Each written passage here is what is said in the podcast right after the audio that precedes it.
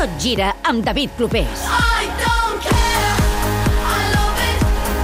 I don't care. El temple esportiu dels caps de setmana. La xarxa Fort de Catalunya t'ofereix aquest espai.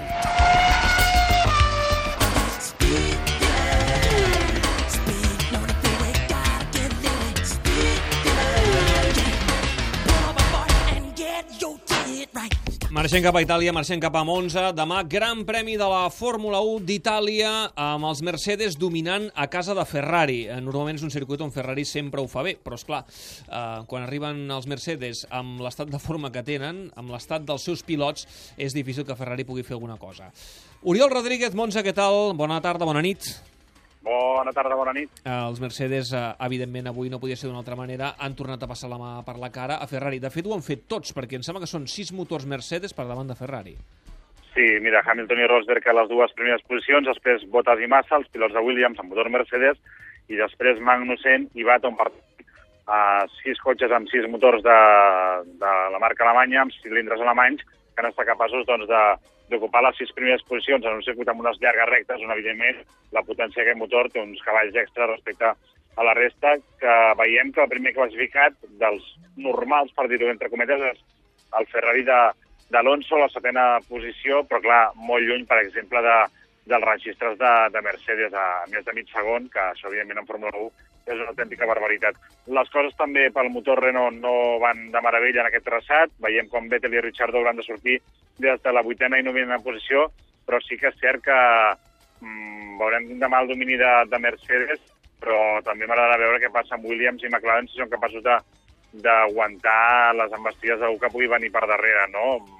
Jo crec que, evidentment, els Mercedes tenen tots els números per ser capaços d'emportar-te el doblet i, evidentment, demà aniran amb peus de plom tant Hamilton i Rosberg, tenint en compte el seu futur. Mm, Tenim en línia també el nostre analista de la Fórmula 1, eh, una temporada més, i que, per tant, estem contents que ens acompanyi, com sempre, l'Albert Fàbrega. Albert, què tal? Bona nit.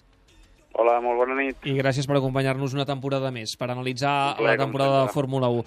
Escolta, ara ho deia l'Oriol, eh, els Mercedes per davant de Ferrari, eh, però compte, perquè aquí la gran pregunta és veure què passa en aquesta lluita ferrissada pel Mundial entre Hamilton i Rosberg. Avui d'entrada el millor ha estat Hamilton, eh, i tot i que hi ha hagut alguns problemes de fiabilitat en aquests Mercedes en els entrenaments.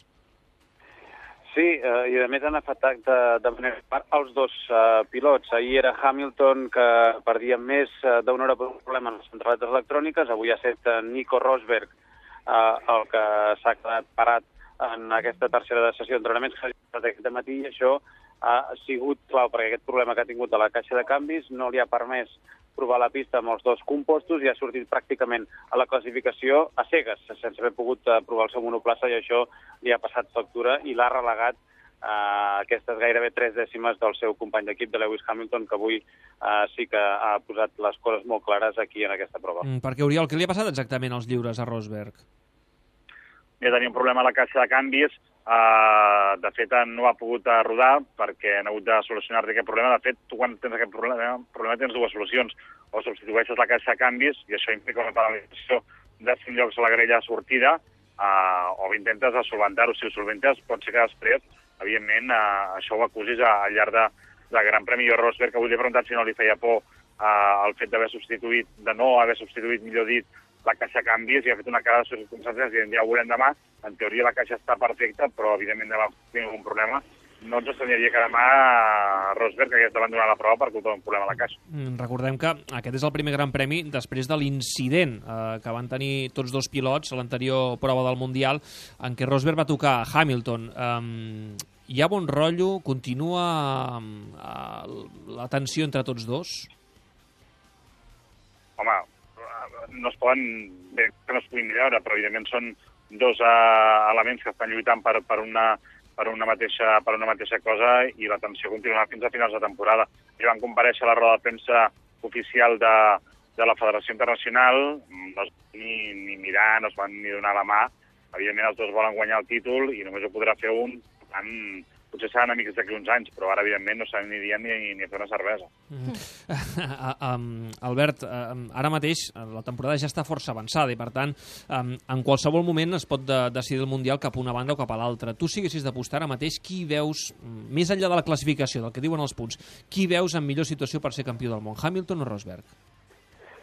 Eh, a nivell de velocitat jo diria que Hamilton, però m'ha sorprès la picardia i la maduresa amb la qual ha afrontat aquest intercanvi de declaracions, aquest joc de nervis, aquesta partida d'escacs. Uh, Nico Rosberg mm, m'ha semblat que la, no ha caigut en la tentació o en totes aquestes trampes que ha anat posant Hamilton en el camí i al contrari, jo crec que n'ha sortit uh, prou guanyador i ara per ara uh, jo crec que quedant per darrere de Hamilton ho té prou clar per eh, emportar-se el títol. De totes maneres, hi ha una prova al final en què Eccleston al final semblarà tenir La puntuació doble, eh? d'aplaudir, que comptarà doble i que, per tant, deixarà de ben segur, i si no hi ha cap d'alta baix, en aquestes proves que queden deixarà el Mundial obert i esperem que es decideixi en uh, l'última cursa. De totes maneres, com molt bé deies, la fiabilitat uh, pot ser un punt clau i Mercedes aquesta temporada ha sofert bastants més problemes dels que esperaven i per tant haurem de veure què és el que succeeix demà en un circuit exigent amb els motors però també molt exigent amb els frens. El que m'hauríeu d'explicar, un dels dos, és què li passa a Ferrari, que ho hem intentat explicar durant tota la temporada i no ens n'hem sortit. Perquè, clar, arribem a Monza, que és veritat, ho havia dit Alonso, que és un circuit ràpid i que, per tant, doncs, eh, beneficia els motors Mercedes, però, és clar, és que Alonso, mm, sis Mercedes per davant, ell setè, i ja no parlem de Raikkonen. Ja no parlem de Raikkonen, dotzè. No, home, a Ferrari no, no li passa res, està fent honor a, a la seva història i és un autèntic bluff. El que passa que va tenir un període en què es van trobar... Sí, el que passa és que es van trobar un No període... dur. Uh, no, un període guanyador amb Schumacher, uh, Jean Todt i Ross Brown, que van ser capaços doncs, de guanyar molts títols consecutius. Però, per exemple, tu si és una mica la història de Ferrari, uh, durant 20 anys, per exemple, no van rascar absolutament res, i ara tornen a passar per una època uh, completament fosca. Per tant, jo no crec que li passi absolutament res, sinó que crec que és una marca, és la marca mítica de Fórmula 1, això és evident, però crec que si mires els resultats està completament sobrevalorat. Mm, Albert.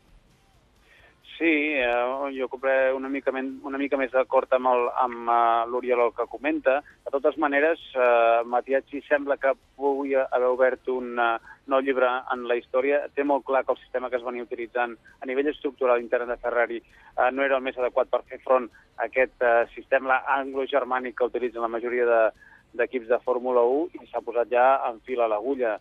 Sembla que Allison serà el màxim responsable per sobre de Pat Fry, s'estan redissenyant eh, molts departaments, el departament de motors, que jo crec que ha sigut el senyalat per tothom com el gran eh, culpable de les eh, pobres prestacions de Ferrari aquesta temporada, ja té un nou cap i, per tant, que està posant les bases per fer un projecte de futur més sòlid, més... Eh, més actualitzat el que necessita la Fórmula 1 moderna i, per tant, d'agafar un camí no solament que sí que el faci victoriós, sinó que el faci victoriós i estable per estar lluitant en, uh, al capdavant de la classificació mundial uh, i no esperant que torni a venir, com el bé deia, un altre Schumacher o un altre Ross Brown uh, al davant d'un uh, Jan Tot que ara tothom uh, trobava a faltar i és que avui hem tingut a Montezemelo uh, tothom estava rumorejant que podia haver presentat avui la seva dimissió, no ha sigut així al final.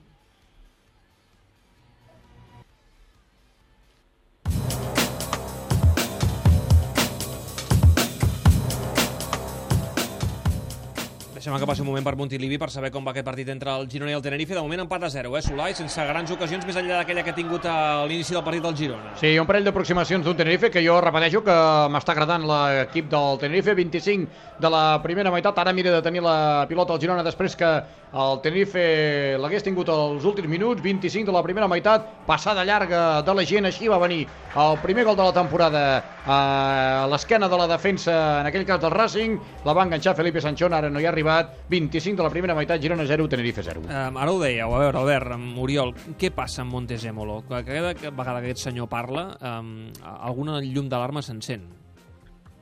Mira, aquest senyor, quan es presenta pels puestos, per dir-ho de- d'aquesta manera, és com si Moisès, dins allò que, que obria els mars, doncs eh, és absolutament el mateix.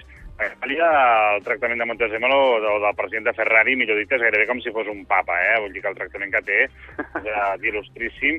I avui Ferrari no se li ha corregut res més doncs, que organitzar una compareixença de premsa eh, a les escales de- d'un dels dos coms que té, amb el caos conseqüent que això ha acabat eh, comportant. A mi em sembla de molt mala educació que l'escuderia italiana eh, podem fer les coses una mica millor.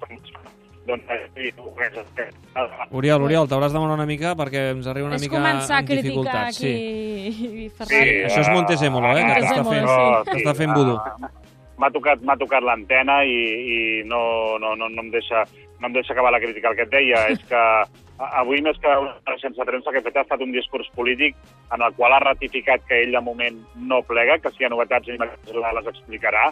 Això sí, també posa el càrrec a, a disposició de, de la Junta d'Accionistes de, de Ferrari i ell ha explicat que té un contracte signat, amb la qual cosa, si volen passar per caixa i liquidar-lo, doncs, eh, mira, això ja serien altres coses, no? I s'ha mostrat molt dur amb l'actual Fórmula 1. Et diu que hi ha d'haver canvis, que han de tornar els testos, que han de tornar les oportunitats perquè es pugui fer eh, proves al llarg de, de la temporada. Gol de Sandaza pel Girona, ha marcat Sandaza, Girona 1, Tenerife 0. Com ha estat aquest gol, Eduard? Una passada llarga, els bada una mica la defensa del Tenerife, Juncà tampoc se l'esperava, no pot rematar, ho fa en segona instància, el porter la rebutja i Sandaza completament sol al punt de penal, fa el primer del Girona, 27 de la primera meitat, Girona 1, Tenerife 0. Doncs bones notícies des de Montilivi quan eh, tot just eh, l'Oriol ens estava parlant de Montezemolo. Bé, deixem-ho aquí, aparquem-ho, el tema Montezemolo. És evident que Ferrari viu una temporada... acaba, acaba de subornar la, la defensa del Tenerife perquè el Girona marqui un gol i és que no hi ha manera de, de poder explicar... Això el Solà segur que veu aquí. Perdó, sí. Ara, Sí, sí, un tio el- Ulleres sí. a la graderia és que és un enviat El, el especial Solà de de subornant sap un rato. Perdona, perdona, Sí, Oriol, eh? Perdona. Continua parlant, aviam si el Girona fa el segon. Va, que ja tenim el 9 de 9 en folre, ara li falta la manilla. Mira que es poden fer servir de coses les manilles, eh? La poses tu. Molt bé, gràcies, Solà. Ah, Oriol, uh, ràpidament, sentim protagonistes. Uh, qui sentim primer? Doncs comencem escoltant Hamilton així de content. Eh, La clave será ya la salida, claro, importante. Y después eh, es probable que tenemos solo un pit stop. Y entonces es difícil también se, por, eh, por el coche detrás de hacer algo, algo diferente no se puede cuando, cuando hay solo un pit stop. Entonces tienes que sobrepasarlo en el circuito. Y entonces es importante ir eh, adelante eh, cuando empieza la carrera. Doncs uh, Luis Hamilton parlant un castellà que ha pres en dues hores, era Nico Rosberg, eh? Nico Rosberg, el no, pilot dit, ale- no? Sí. Era el pilot alemany explicant quines són les claus de, de la cursa i ara o sigui, podem anar a escoltar a l'home que avui ha aconseguit la pole position. Luis Hamilton. very proud of um, Estic molt orgullós del que està fent tot l'equip i del que estan fent els mecànics i tècnics al llarg de tota la jornada.